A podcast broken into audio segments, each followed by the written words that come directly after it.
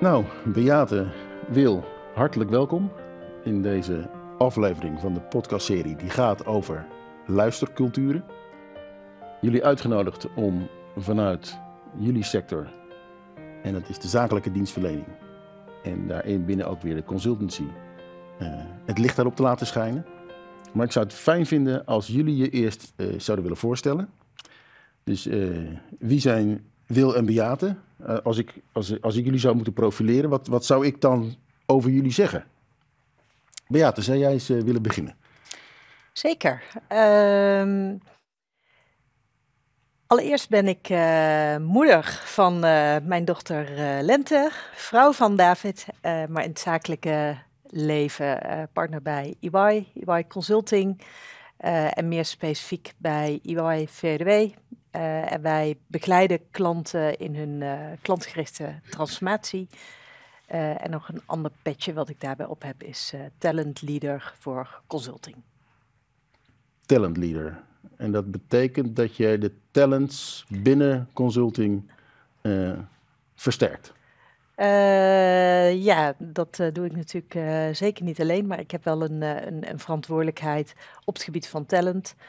Um, en dat betekent van het, het, aannemen van talent tot en met het ontwikkelen van talent. Maar er zit natuurlijk ook meer de administratieve kant bij. Dan komen daar zo wat vragen over hoe doe je dat dan op het gebied van luisteren toe. Maar eerst eventjes Wil. Wat... Victor. Ja. Nou, dank voor de uitnodiging. Hartstikke leuk. Dat, wij hebben elkaar natuurlijk ontmoet uh, in de training Leiderschap en Luisteren. Uh, Wil Weert, nou, ik, vader van drie, twee meiden en jongen. 15, 13 en 11. Uh, getrouwd met Ingrid. Um, en inmiddels bijna 23 jaar, nee, ruim 23 jaar bij EY. EY Longtimer, zeggen ze dan. Ik leid binnen consulting de enterprise risk competentie en sinds de zomer ook de sustainability competentie. En, uh, en, daarbij adviseren wij bedrijven, met name voor hoe kun je meer sustainable de toekomst in. Wat vind jij het spannendste aan je werk? Het spannendste in mijn werk is, dat zijn vele, ik denk vele facetten, dat ik het, het meest uitdagende is dat ik iedere keer wat nieuws leer. Dat zeg ik ook altijd bij men, tegen mensen die bij ons komen werken. Ik doe dit werk nu 23 jaar en je kunt bijna zeggen dat iedere dag leer ik iets nieuws. Okay. En dat vind ik ontzettend interessant. Ja. ja. Dus betekent... ander, en dat brengt natuurlijk ook spanning met zich mee. Want soms moet je dus uit je comfortzone, hè, omdat ja. je iets nieuws beetpakt, ja. zoals ja. sustainability. Ja. Dat betekent ook dat je elke keer nieuw, nieuwe informatie moet kunnen opnemen. Dus eigenlijk ook, als je het gaat over die luisterniveaus, ook in, uh, in die, die, ja, dat synergetische luisterniveau, zeg maar, uh, moet kunnen staan, omdat je onbekende informatie uh, op moet nemen. Ja. ja, dat is correct. En als je dat niet goed doet, dan moet je er wat extra tijd in steken. Ja, dan moet je wat extra tijd Dat klopt helemaal. ja. Zou je eens een voorbeeld kunnen geven, Wil, van een, een soort project wat specifiek is in jouw branche of in jouw werk, um, waar, waar je heel succesvol was, waar luisteren een rol speelde? Nou, ik, ik denk, je hebt natuurlijk projecten waar luisteren een rol speelt. Maar wat voorafgaat aan het project, wat ik eigenlijk ook wel iedere dag merk, is dat het, het opbouwen van een relatie met, met een klant of met iemand in het bedrijfsleven gaat vooraf aan een, aan een, aan een, aan een project of niet. En dat, daar is luisteren cruciaal. Van ja. Wat speelt er? En ik denk ook een vorm van interesse hebben in iemand. Van wat speelt er bij de organisatie, wat speelt er bij de persoon. Ja. Om te kunnen komen tot een relatie, tot vertrouwen ja. en wellicht uiteindelijk een project. Ja, ja, ja. ja. En Beate, in, in jouw werk, uh, kan je een voorbeeld geven van het soort werk wat jij uh, doet of, of deed en waarin jij zag van, hé, hey, maar uh, hier had ik meer moeten luisteren of hier heb ik heel goed geluisterd en daardoor gebeurde er dit? Um, nou, wat ik wel een mooi voorbeeld vind, is een uh, traject wat we hebben gedaan voor een grote bank. Um, waarbij we eigenlijk een klantfilosofie hebben ontwikkeld. eigenlijk een belofte voor hun klanten. En dat begon bij het luisteren uh, nou, en naar wat is er in de maatschappij nodig, maar ook naar uh, wat wil de klant van deze klant eh, wat is voor die klant belangrijk? Ja.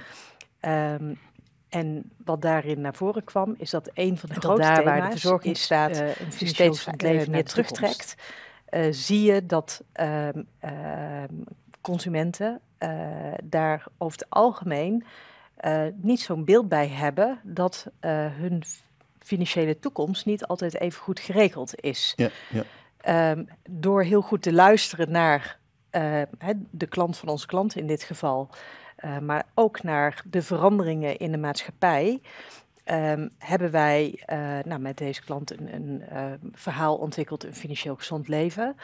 Ehm, en dat ook doorvertaald naar eh, de dagelijkse bewijsvoering, et cetera. Maar ik, dat begint wel echt bij luisteren naar wat speelt er nou in de maatschappij en wat speelt er bij de klant van de klant. Ja, oh, dat vind ik wel een mooi voorbeeld. Dat je zegt al van ja, eh, het ging niet alleen over eh, die klant of jullie klant. Het ging zelfs een stukje verder. En het ging ook over een groter geheel waarbinnen wij opereren met elkaar.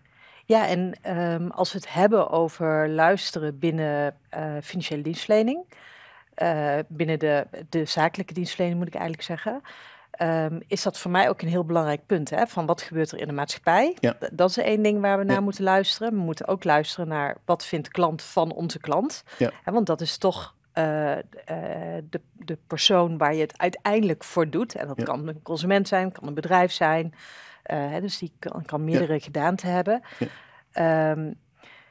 Natuurlijk, wat Wil net ook al zei, moeten we ook luisteren naar wat wil onze eigen klant.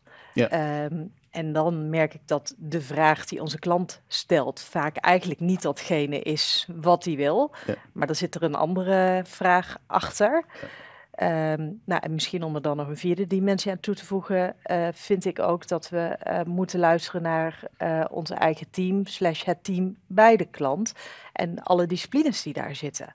Ehm, want ik denk dat de complexere veranderingen waar we eh, mee te maken hebben, dat we die alleen maar kunnen oplossen met multidisciplinaire teams. Ja, Maar dat betekent dat je open moet staan voor andere meningen, andere gedachten, andere kwaliteiten. ja. Daarna moet luisteren. En Dat is nogal wat luisteren, eh, hoor ik hier. eh.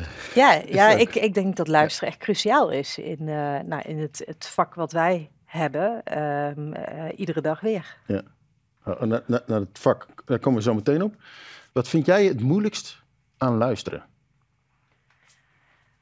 om zonder oordeel naar iemand te luisteren.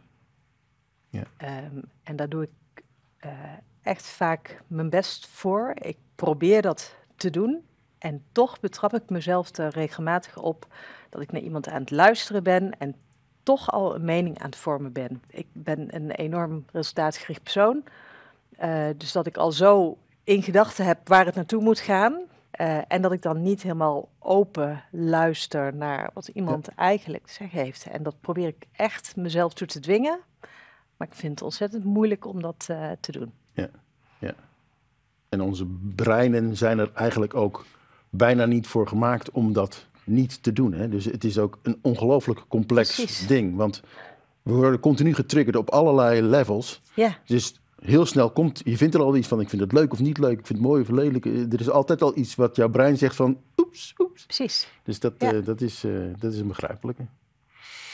Heb jij iets specifieks wil? Wij hebben, jij hebt in een training gezeten, leiderschap in luisteren. Dat was eh, eh, met jouw team zelfs. Dat was een, een, een, bijzondere ervaring. eh, kan ik me nog levend herinneren. Daar- zijn al die aspecten waar Beate er nu eentje van, van pakt. Hè? Dat, dat cognitieve niveau waarin je nou, die oordelen in jezelf, maar ook bij die ander tegenkomt. En wat doe je daar dan mee?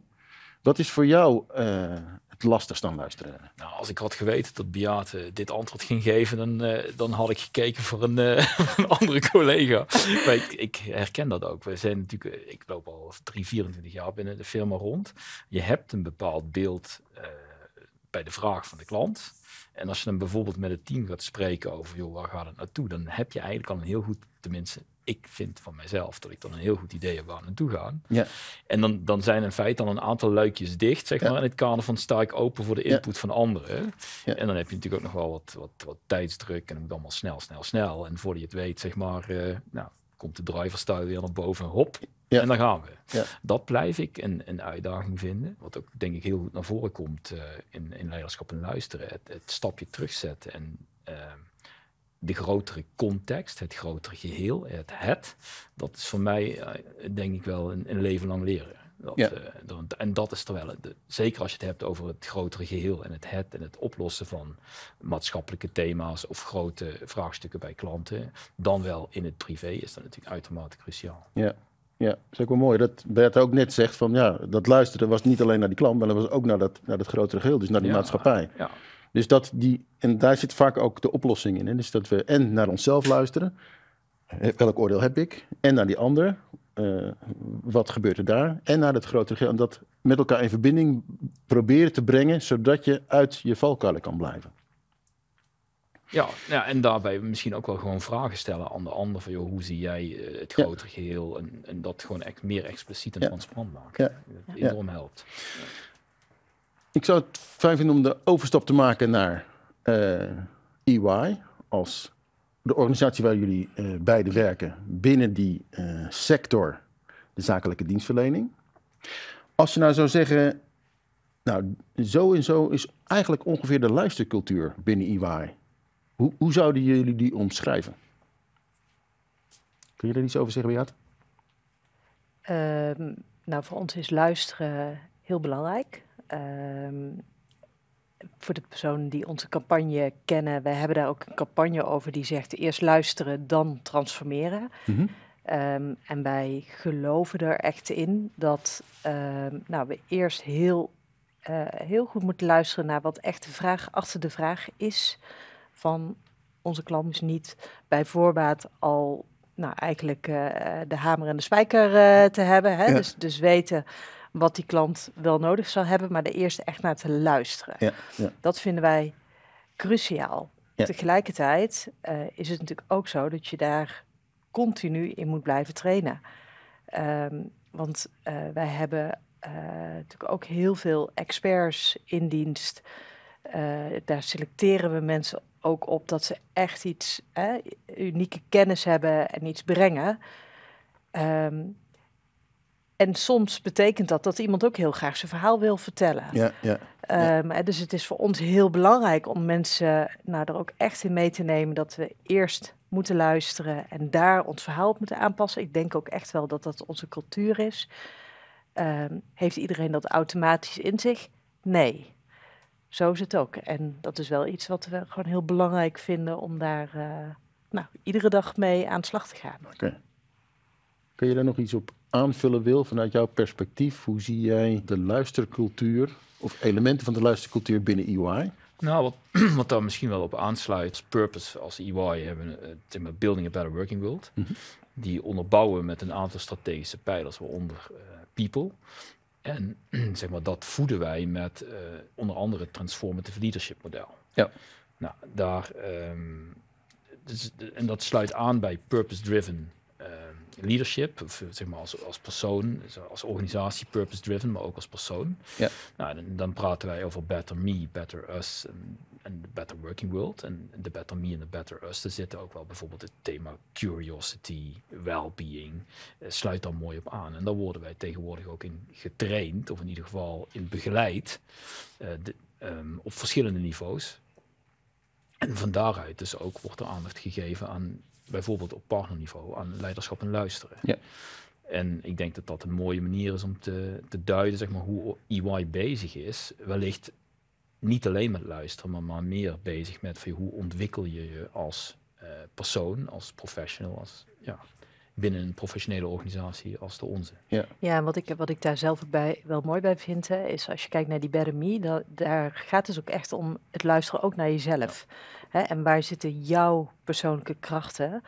Ehm, eh, en nou, hè, waar, waarbij jij echt jezelf eh, vanuit de overtuiging dat je daar ook het meest krachtig Ja. in bent. Ja. Dus het gaat dan niet alleen over het luisteren naar de ander. Dat zit natuurlijk ook meer in Better Us en Better Working World. Maar in Better Me zit ook echt wel wie ben ik? Ja. Waar sta ik voor? Ehm, nou, en hoe kan ik dat ook ehm, nou, van daaruit ook verder acteren Ja. en mijn werk eh, doen? Ja, ja, ja, ja. Ook in, de, in jullie campagnes dat je uit van hey, wij, wij luisteren eh, als eh, een belangrijk onderdeel van ons, ons, van ons werk.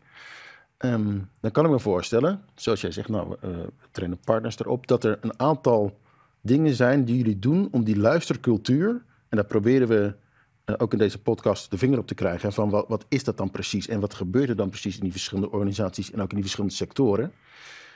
Wat zijn nou de dingen die jullie doen om de luistercultuur te versterken? Ja, ik denk wat, uh, wat Wil het voorbeeld geeft van transformative leadership is denk ik een hele mhm. belangrijke. Um, ik denk een andere uh, is, uh, ja, wij noemen dat client centricity, maar echt de klant centraal stellen bij alles wat we doen. Um, en dat gaat naar mijn idee ook over luisteren. Ja. dus we doen alles voor nou, onze klant, maar ook voor de klant van onze klant. Ja. En dat heel scherp hebben. En ook bij alles wat we doen, kijken van, goh, maar zit een klant hier wel op te wachten? Of wat verandert er in behoefte mhm. bij die klant? Mhm. En hoe kunnen we daar datgene wat we doen weer op aanpassen? Um, dat zit voor mijn gevoel wel heel erg in degene uh, en, en het dagelijks werk van uh, hoe wij acteren daarin. Ja, het is mooi dat jullie zo klantgedreven zijn. En dat hoor ik hier ook helemaal in. Dus dat je echt het wil doen uh, om, om die stakeholder echt te horen. Ja, en dat uh, je zegt het heel mooi, want echt te horen, maar dat betekent niet dat je alles hoeft te doen wat die klant vraagt. Nee. want dat is voor mij nog wel echt iets anders. Want het kan heel klantgedreven zijn om iets anders te doen dat de klant vraagt. Ja. Ja. Um, dus even in het voorbeeld uh, van uh, die financiële dienstverlener. de klant zal een, nou, bij wijze van spreken, een hele lage hypotheekrente willen en nou, et cetera. Maar dat hoeft niet in het belang van de hele maatschappij en alles daaromheen te zijn. Hè? dus, dus dat is wel echt een, belangrijk om dat onderscheid te maken. Ja, ja.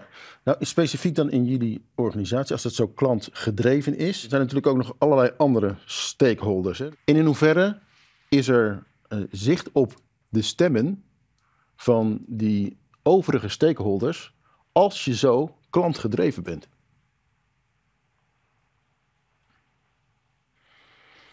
Vind ik een moeilijke vraag. Zo, eerst ook moeten kijken welke stakeholders hebben het dan over. Hè? Ik denk zicht op zeg maar, de, de, het luisteren naar personeel. Het is ook een belangrijke stakeholder. Dat doen ja. wij, nou, ik weet niet, iedere maand of in ieder geval ieder kwartaal ook met een people pulse. Dan gaan we echt kijken van, wat speelt er. Hè? Ja. En dit is weliswaar, het is in, in de vorm van een survey, maar vervolgens koppelen we die resultaten van die survey, survey wel terug naar onze collega's en gaan we erover in gesprek om te kijken van, wat kunnen wij verbeteren. Uh, dus, dus, dat is in ieder geval één manier om um, te luisteren, weliswaar via een survey. Uh, ik weet dat onze leadership, onze board van Nederland, gaat ook regelmatig het land in om gesprekken te voeren met, met ons. niet alleen met partners, maar met, ook met, met alle medewerkers. En natuurlijk hebben we ook de organisatie als EY, wat ook een hele belangrijke stakeholder is belanghebbenden bij, bij de werkzaamheden die we doen. Ja. Ja, dus ja. daar ben ik zelf ook wel een keer op gewezen door een klant. Dat je, of niet door een klant, maar door een collega, dat het belang van de klant niet boven het belang van de, van de firma moest gaan. Oh ja. Ja. Daar oh, ja, heb ik vervolgens niet meer echt over nagedacht. En ik weet ook niet of ik daar helemaal mee eens ben. Maar dat, ik vind het zit wel een, zit een, er kan een spanningsveld zitten. Ja, nou, ik denk dat, het, dat je dat terecht aangeeft. Hè? Dus dat er verschillende belangen zijn bij die verschillende stakeholders. En het luisteren of een luistercultuur, die brengt in kaart wat die verschillende belangen zijn. En maakt dan, zoals Beate zegt, de afweging tussen die verschillende belangen. En de ene keer kan dat voor het bedrijf zijn, en de andere keer kan het voor een klant zijn of voor de medewerker. Dus dat, dat kan ook verschillen, lijkt mij. Maar dat gaat er in elk geval om. In je luistercultuur heb je soort mechanismes ingebouwd dat je al die verschillende uh, stakeholders wel hoort. En daarin, daar ben ik eigenlijk echt, echt benieuwd naar. En een van de dingen die daarvoor van belang zijn, um, is het element veiligheid. Hè? Dus dat mensen in jullie organisatie, jou, je medewerkers, uh, dat, dat die zich ook naar jou durven uiten. En een, een, een, een, term binnen de Rijksoverheid is dat, dat ze ook tegenspraak uh, tegen de politiek bijvoorbeeld of tegen hun baas uh, kunnen geven en daar ook voor in staat zijn. En, maar daar moet het ook veilig genoeg zijn. Uh, zou jullie daar iets over kunnen zeggen hoe jullie, uh, jullie of jullie medewerkers ervaren hoe dat element van zo'n luistercultuur uh, aanvoelt? Ja, ik denk het lijn met um, wat Wil net vertelde over de Better Us hè, vanuit Transformative Leadership. Wat wij daar op dit moment bijvoorbeeld aan het doen zijn, is dat mm -hmm. we teams aanbieden om een sessie te hebben met een coach. Eh, om de dingen die spelen in het team eh, op tafel te leggen. Ja. Eh, en met elkaar te kijken hoe ga je daar met elkaar mee om. En dat kunnen allerlei zaken zijn, hè? Maar vaak zal dat te maken hebben, tenminste dat hoeft niet, hè? maar met iets van werkdruk Ja. of hoe combineer ik eh, thuis en werk Ja. of, Ja. eh, of hoe gaan we als collega's met elkaar om, Ja. Eh, we reageren op een bepaald, nou, het, het heeft allemaal met teams te maken en de dynamiek daarbinnen. Dus het gaat niet over de inhoud, maar echt over de dynamiek in het team. Ja. Nou, dat is een van de dingen waarmee we proberen een veilige werkomgeving te creëren. ehm, waarin mensen zich ook durven uitspreken en met elkaar de conversatie aangaan. Ja, ja. Ehm, tegelijkertijd vind ik het zelf best eh, lastig om te zien of iedere plek in onze organisatie veilig is. Dat hoop ik van harte. En ik hoop ook dat als dat niet zo is, dat mensen zich durven uitspreken. Maar dat is natuurlijk ontzettend lastig. Ja. Want zeker als het ergens niet helemaal veilig voelt, Ja. ehm, heb je natuurlijk ook meer kans dat mensen zich daar ook niet over durven uitspreken. Ja. Nou, dan is dus nu ook de vraag, hè, hoe, hoe is dat voor jullie? Komen jullie wel eens in een situatie waarbij je niet helemaal het achterste van de tong durft of wil laten zien, horen eh, in, je, in je werk of in, eh, in, eh, in waar, je, ja, waar je op dat moment aan het werk bent? Zeker. Ja. Ja? Tuurlijk, ja, ja, tuurlijk. Ehm, En hoe ga je er dan mee om? ik zou bijna zeggen op zijn Limburgs. Limburgs, vertel. Dat regel ik naar de hand op de gang. Ja. Als ik het echt eh, denk, nou, ik, ik overzie het niet helemaal. Hè. Ja. Je weet niet precies hoe het eruit ziet, het speelveld. eh, je kent de agenda's niet helemaal. Dan wil ik naar de hand wel eens even inchecken om te vragen van, joh, hè, hoe zit dit? En eh, zo, zo zie ik het. Ja. dat, eh, maar die ruimte is er. Dus dit, misschien wellicht op bepaalde momenten eh, voel ik de ruimte niet. Maar ik voel dus wel ruimte om in de organisatie bepaalde gesprekken te voeren. Om te kijken van hoe zit het echt in elkaar. Ja, ja. Nou ja, dat, dat gaat echt over die, over die cultuur. Hè? Over eh, in hoeverre kan je je uitspreken, maar ook in hoeverre durf je jezelf uit te spreken. Aan de andere kant, in hoeverre luister je naar je medewerkers en wordt er naar jullie geluisterd? Maar en het is misschien ook wel, dat is wel een goede nuance die je aanbrengt. Wellicht is de cultuur wel zo dat het kan. Ehm, en kan het ook, alleen zit het meer bij mij dat ik het niet doe. Dus ik heb gewoon een eigen grens, behoudendheid opgebouwd, wellicht in de afgelopen 47 jaar. Want het heeft niet per se iets te maken met EY, waardoor je bepaalde zaken niet doet. Nou, en ik, ehm, ik betrap me er ook op toen ik net onderdeel van EY was. ehm, dat ik, eh, ik breng eh, twee dagen in de week mijn dochter naar school. ehm, dat ik dat niet zei tegen mensen en een smoesje verzon waarom ik op een bepaald moment eh, niet bij een afspraak kon zijn. Op een gegeven moment heb ik bij mezelf gedacht, ja, wat is het eigenlijk voor een onzin dat ik dit niet durf te zeggen? Want dat durf ik dan niet te zeggen, omdat ik dan bang ben dat er op een bepaalde manier over mij geoordeeld wordt. Ja, ja, Ehm, op een gegeven moment dacht ik, ja, dit is natuurlijk eh, grote onzin. Ja. Ehm, want het mag er gewoon zijn. Ja. Eh, eh, ik werk hard genoeg, dus dat is het punt niet. Dus ik, ik probeer mezelf daar wel op te challengen. Dat Ja. ik, eh, en inmiddels ben ik daar heel transparant en open over. Dat ik gewoon zeg, joh, op die twee dagen in de week ben ik er niet. ben ik er niet. Ja. Natuurlijk, er kan altijd een uitzondering zijn. Maar in principe ben ik er niet. Want ik breng mijn dochter naar school. Ja, mooi. Ehm, maar dat, dat had wel even iets nodig dat ik bij mezelf besefte dat ik dat niet zei. En zo zijn natuurlijk altijd wel dingetjes dat je toch, nou ja, dat ik, laat ik voor mezelf spreken, toch denk, goh, wat zouden anderen daarvan vinden? En, wat, eh, Ja. ehm, eh, en ik probeer heel dicht bij mezelf te blijven, maar zeker in een, nou, ik denk toch wel wat ehm, eh, mannelijke cultuur, ehm, is dat ook als vrouw best lastig, vind ik. Ja? En het kan er zijn, hè? Dus Ja. het, dat, dat, het zit, zit denk ik ook bij mezelf. Maar je moet jezelf daar af en toe ook gewoon toe dwingen. om gewoon Ja. wel jezelf daarin te zijn. Nou, laten we dan eens naar die, naar die sector gaan kijken. Hè? In de, het consultancy vak. Eh, zou je kunnen zeggen dat er ehm, bepaalde elementen zijn in de zakelijke dienstverlening ehm, die heel specifiek zijn, eh, waarin ook luisteren een rol speelt. Maar als, ik, als, ik die zou, als jullie die zou, zou uitleggen, wat maakt nou die zakelijke dienstverlening zo specifiek? Nou ja, ik, ik denk dat het begint wel bij het woord dienstverlening. Ja. Eh, zakelijke dienstverlening, we zijn dienstverlenend. Eh, eh, en dat dienstverlenend is voor mij uiteindelijk aan de klant van onze klant. Dat is anders dan bijvoorbeeld in een overheidssector. Ehm, ja, natuurlijk is daar dienstverlening ook heel erg belangrijk. Ehm, maar er zit wel een andere behoefte achter en er zit ook een Ja. ander model Ja. achter daarin. Oké. En ehm, wat zijn dan de, de aspecten eh, van het luisteren die daar in die dienstverlening aan de klant van je klant eh, het verschil maken of een belangrijke rol spelen?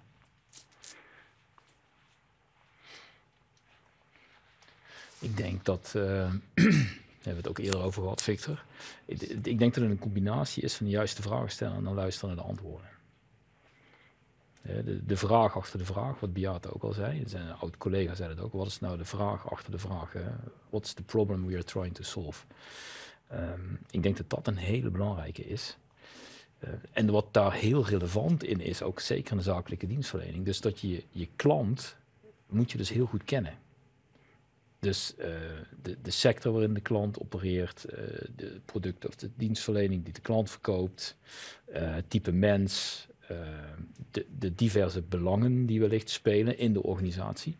Ik kan mij voorstellen dat dat, dat is wel een extra dimensie die je, die je hebt in de zakelijke dienstverlening, bijvoorbeeld ten opzichte van als je binnen een corporate werkt. Ja. Je hebt natuurlijk belanghebbenden, maar wij hebben extra belanghebbende. Hè, en dan, dan is het, het luisteren naar die, naar die klant. Eh, jij gaf net al terecht aan, eh Beate, dat het ook echt gaat over luisteren naar wat gebeurt er dan in die maatschappij. Ja. En een aantal keer komt ook al te sprake in ons gesprek. Hey, ik heb ook te luisteren naar mijzelf. Wat, wat denk ik zelf wat mijn collega's vinden of wat, wat, hoe, hoe, hoe die eh, klant erover denkt. En dus ehm, het luisteren gaat, vermoed ik, niet alleen over wat, wat, wat wil die klant, maar ook eh, hoe sta ik daar zelf in. En ook heel sterk, hoe zit het nou in het grote geheel? En dat is even een checkvraag. Of zeggen jullie nee, het gaat echt heel erg over het, het luisteren naar die ander. Nee, ik ben het helemaal met je eens. En ik zou er nog een vierde dimensie, aan willen toevoegen. En dat is het luisteren naar de mensen in de organisatie. En alle competenties in die organisatie. Eh, want alleen met elkaar kun je die complexe problemen vervolgens oplossen. Dus eh, Ja. de IT-persoon heeft een ander perspectief ehm, dan een eh, creatief, dan een strateeg, dan Ja. nou, et cetera. Ja. Ehm, en dat is voor mij ook heel belangrijk daarin. Ook belangrijk in die zakelijke dienstverlening, zeg jij Zeker. specifiek.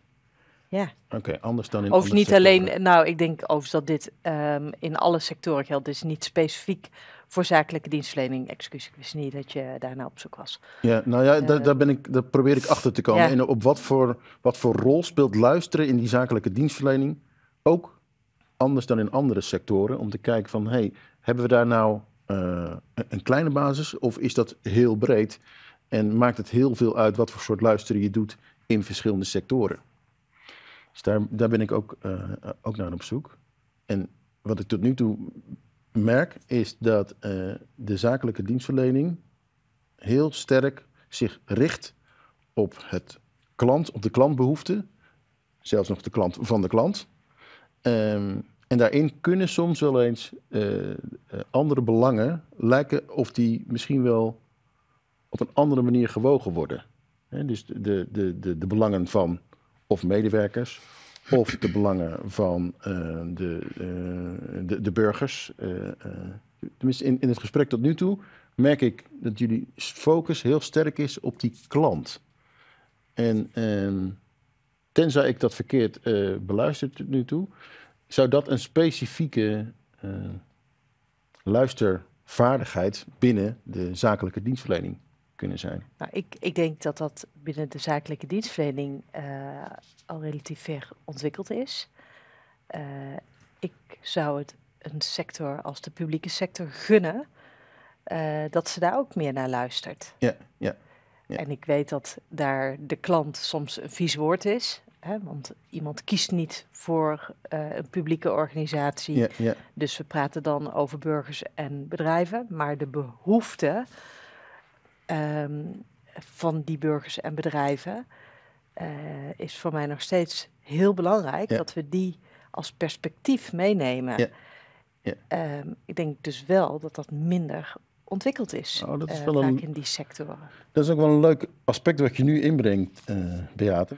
Dus als je er zo naar zou kijken, wat, wat zou de zakelijke dienstverlening dan bijvoorbeeld van de, de industrie kunnen leren? Of bijvoorbeeld van de, eh, de, de, de overheidssector?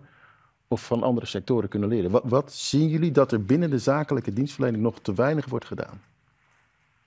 Ik kan me voorstellen dat eh, de publieke sector over het algemeen nog meer naar de maatschappelijke ontwikkelingen luistert. Ja. Hè, en wat gebeurt er in de maatschappij en waarom moeten we daar op welke manier op inspelen? Ja. Natuurlijk zijn er ook ehm, eh, commerciële dienstverleners die dat ook doen. Die zijn overigens vaak ook eh, behoorlijk suc- of succesvol en misschien wel succesvoller dan die dienstverleners die niet zo naar die maatschappij luisteren. Ja. Hè, en eh, puur met eh, winstbejag bij wijze van spreken bezig zijn. Ja, Maar dat is wel iets, denk ik, wat in de publieke sector veel sterker al ontwikkeld is. Dat, hè, dat we acteren en denken vanuit grote maatschappelijke ontwikkelingen. Dat vind ik wel een, een mooi perspectief, ook om bijna dit gesprek mee te, te beëindigen. Maar dat je zegt van, hé, hey, op het moment dat wij als zakelijke dienstverlening nog meer naar dat grotere geheel gaan luisteren, naar die opgave, dan worden we ook als zakelijke dienstverlening nog succesvoller. Ja. Word ik wel blij van eh, als je dat zo zegt. En als we dan ook naar onszelf luisteren Ja, en vanuit onze eigen kracht daarin acteren, ja, dan kunnen we denk ik Ja. echt verschil maken. ja. ja. Ja, het, het is denk ik inderdaad de, de koppeling van die drie. Ja. Dus dat je en naar jezelf luistert en naar die ander. En tegelijkertijd ook, waar doen we het voor? Hè? Wat is dan het Precies. grote verheel wat ons allemaal overstijgt? Ja. Mijn, mijn laatste vraag zou zijn, ehm, welke rol de- denken jullie dat luisteren in de toekomst gaat spelen binnen de toekomst van zakelijke dienstverlening slash consultancy?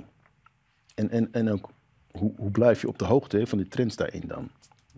schot voor de boeg. Ik denk dat luisteren eh, meer en meer belangrijk wordt. Ehm, meer en meer gebeurt digitaal.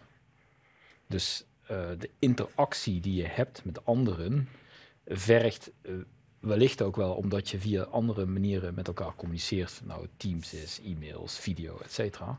vergt waarschijnlijk meer, nog meer eh, van het individu, van de professional, dan wellicht in het verleden. Want het is niet alleen maar met elkaar praten. hè. Nee, je hebt nou op afstand, ehm, eh, via verschillende media. Dus hoe interpreteer je nou hetgeen wat er gezegd wordt? Ja. En ik kan wel eens, dus ik denk dus dat het, eh, het, het met elkaar kunnen communiceren, dus het is breder dan alleen luisteren, dat die vaardigheid ehm, continu aandacht nodig zal hebben en wellicht nog wel belangrijker zal zijn in de toekomst dan dat die nu is. Ja. Ja.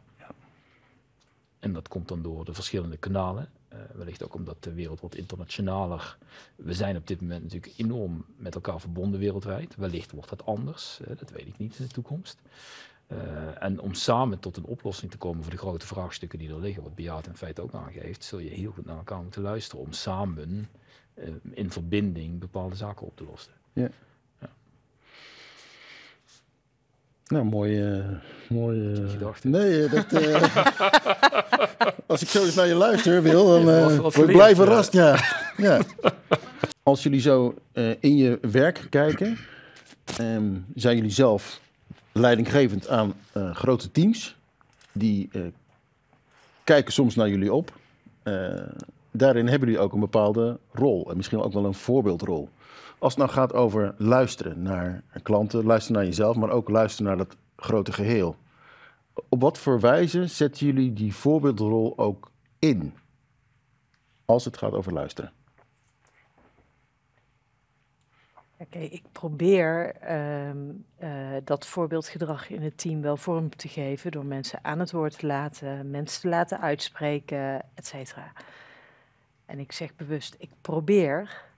Ehm, want eh, recent eh, ging het team, een projectteam, net een wat andere kanten uit dan ik dacht dat verstandig was. Ik merkte dat ik daar vanuit mijn overtuiging dat we het anders moesten doen, lekker overheen denderde. Wat niet zo effectief was. Eh, en daar ben ik achteraf ook op aangesproken door het team. Ben ik heel blij om dat ze me daarop aanspraken. Maar ik dacht wel, verdorie, waarom doe ik dat nou? Ja, dat doe Ja. ik vanuit een bepaalde gedrevenheid. En dat ik geloof dat, hè, dat we op een andere manier moeten denken. Ja. Maar dat was dus niet heel duidelijk voor. Want ik had ook kunnen vragen, maar waarom doen jullie dit? En Ja. et cetera. Dus, dus, dus ehm, ja, ik probeer dat voorbeeldgedrag te geven. Maar soms is dat ook heel ingewikkeld. Met name als het dichterbij komt. En Ja. nou, hè, je even zelf wat minder, of ik even zelf wat minder afstand kan nemen. Ja. Ja, ja. Maar Wel mooi dat ze dan de ruimte vinden om dat bespreekbaar te maken met jou. Hè? Dat Ja. wou ik net zeggen. Dit geeft aan dat er een cultuur is waarbij dus ruimte is om dat te doen. Ja. En eh, als onderdeel van een luistercultuur betekent niet dat jij altijd het perfecte voorbeeld moet zijn, maar gaat het erover dat je een cultuur bouwt waarin eh, er naar elkaar geluisterd wordt. Ja. En daar kunnen ze ook om vragen. En dat is wat, wat daar wel gebeurde. Ja, zeker. Dat is wel zeker. mooi, hè? Jij nog een speciale manier waarop jij eh, voorbeeldgedrag wil inzetten? Nou, ik, ik weet niet of het speciaal is, maar wat ik probeer, soms krijg je wel eens dingen terug over, eh, joh, eh, het is belangrijk dat je af en toe wat meer context geeft. Ja. En ik probeer mijzelf dan ook daarin dat ook gewoon expliciet te maken en te benoemen. Ja. Zeg maar, zodat ik daar zelf wat bewuster van word. Maar ook dat men, zeg maar bijvoorbeeld het team merkt van hey, context. Hij heeft, wij hebben gezegd meer context geven. Hij is ermee bezig. Ja. Snap je? Ja. Dus zo probeer ik in ieder geval te laten zien dat ik luister. Dat ik eh, daarin probeer te ontwikkelen. En soms interveneer ik in een meeting of achteraf. Dat ik zeg, joh, ik heb dit gezien. Bijvoorbeeld, joh, ik heb wel eens in een sessie dat iedereen elkaar onderbreekt. Dan, eh, ik heb vroeger altijd geleerd, je moet elkaar leren uitpraten. Lukt mij ook niet altijd. Maar ik heb laatst recent ook iemand gebeld. Joh, ik heb dit en dit en dit gedrag heb ik gezien. Ja. En, dat, eh, en ik ben zelf ook wel eens gebeld. Van, joh, eh, ik heb dit en dit van je gezien. Nou, daar vond ik wel wat van. En dan Ja. heb je dus ook zo'n gesprek wat eh Beate ook gehad heeft. Ja. Ja, ja. Dus het, het, het inzetten van feedback is Ja. iets wat je ook gebruikt om elkaar beter te maken daarin. Ja, absoluut. Mooi, dankjewel. Wat mij betreft eh, heel inspirerend om te horen hoe jullie eh, je, persoonlijke werk eh, aan EY verbinden. Maar dat ook met een doorkijkje naar wat betekent dat nou echt voor die sector. En voor mij ook wel eye-openers, ook op sectorniveau. We kunnen best wel wat van elkaar daarin leren. Hoop ik in de volgende versies van deze podcast ook te mogen horen. Dank jullie wel. Graag gedaan. Leuk Ja, hier te dank voor je uitnodiging. Ja, absoluut. En eh, keep up the good work. eh.